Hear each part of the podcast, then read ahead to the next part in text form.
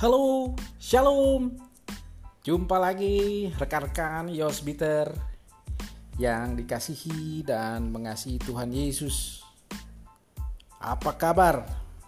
Saya percaya teman-teman masih sehat-sehat semua dalam lindungan kasih karunia daripada Allah Bapa, Tuhan Yesus dan Roh Kudus. Di tengah hari libur hari ini saya nggak tahu teman-teman sekarang berada di mana. Mungkin ada yang di Puncak, Bandung, Bogor, dan lain sebagainya.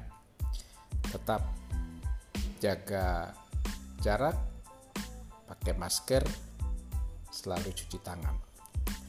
Nah teman-teman beberapa hari yang lalu, kalau nggak salah Sabtu, saya dan keluarga kuliner di Kota Bogor.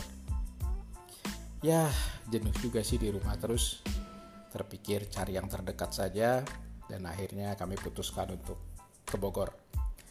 Nah, beberapa kuliner kami kunjungi yang salah satunya yang cukup terkenal di Bogor yaitu di Jalan Surya Kencana.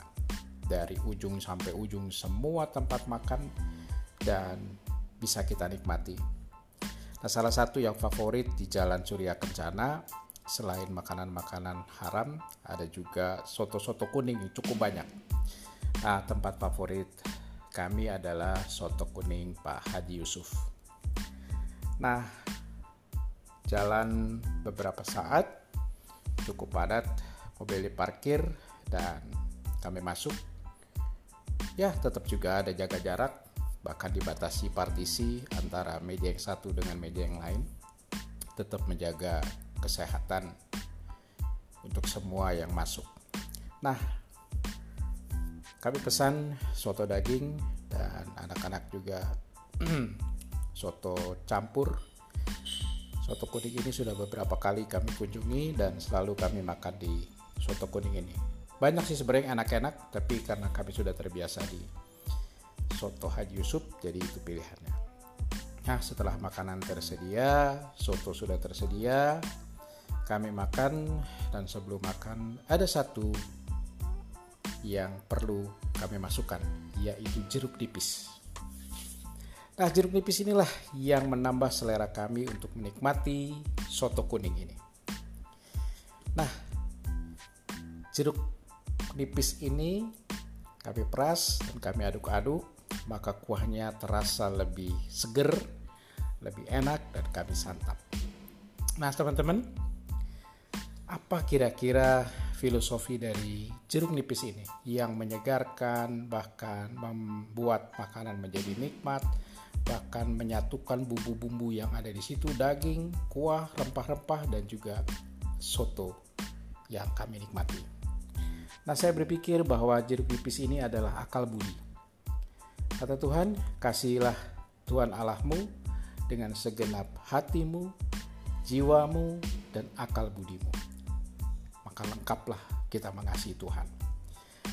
Nah, jeruk nipis ini adalah logika kita pada saat kita beriman kepada Tuhan, akal budi kita, sehingga menguatkan kita untuk mengenal Tuhan Yesus secara pribadi.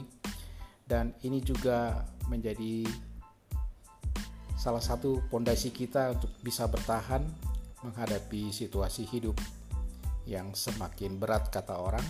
Tapi saya percaya pada saat kita bergantung kepada Tuhan, maka semua masalah bukan menjadi berat, tapi mampu kita laluinya. Teman-teman, akal budi ini sangat penting pada saat kita memahami dan mengenal Tuhan Yesus secara pribadi, supaya kita tidak ngawur ke mana-mana dan kita lebih bisa memahami dengan berbagai ilmu-ilmu yang teman-teman dapatkan, spesialisasi-spesialisasi yang Tuhan miliki yang teman-teman miliki, maka teman-teman akan mampu melakukan semua tugas dan tanggung jawab yang sudah dipercayakan kepada Tuhan.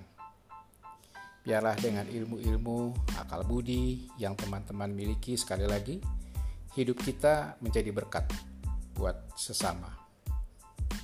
Tetap sehat, semangat, 3M jangan lupa, dan iman, imun, Amin. Tuhan Yesus berkati Bapak Ibu sekalian. Kalau ke Bogor, jangan lupa makan soto kuning Haji Yusuf. Bukan promosi, tapi memang itu enak dan jangan lupa peraskan jeruk nipis. Shalom.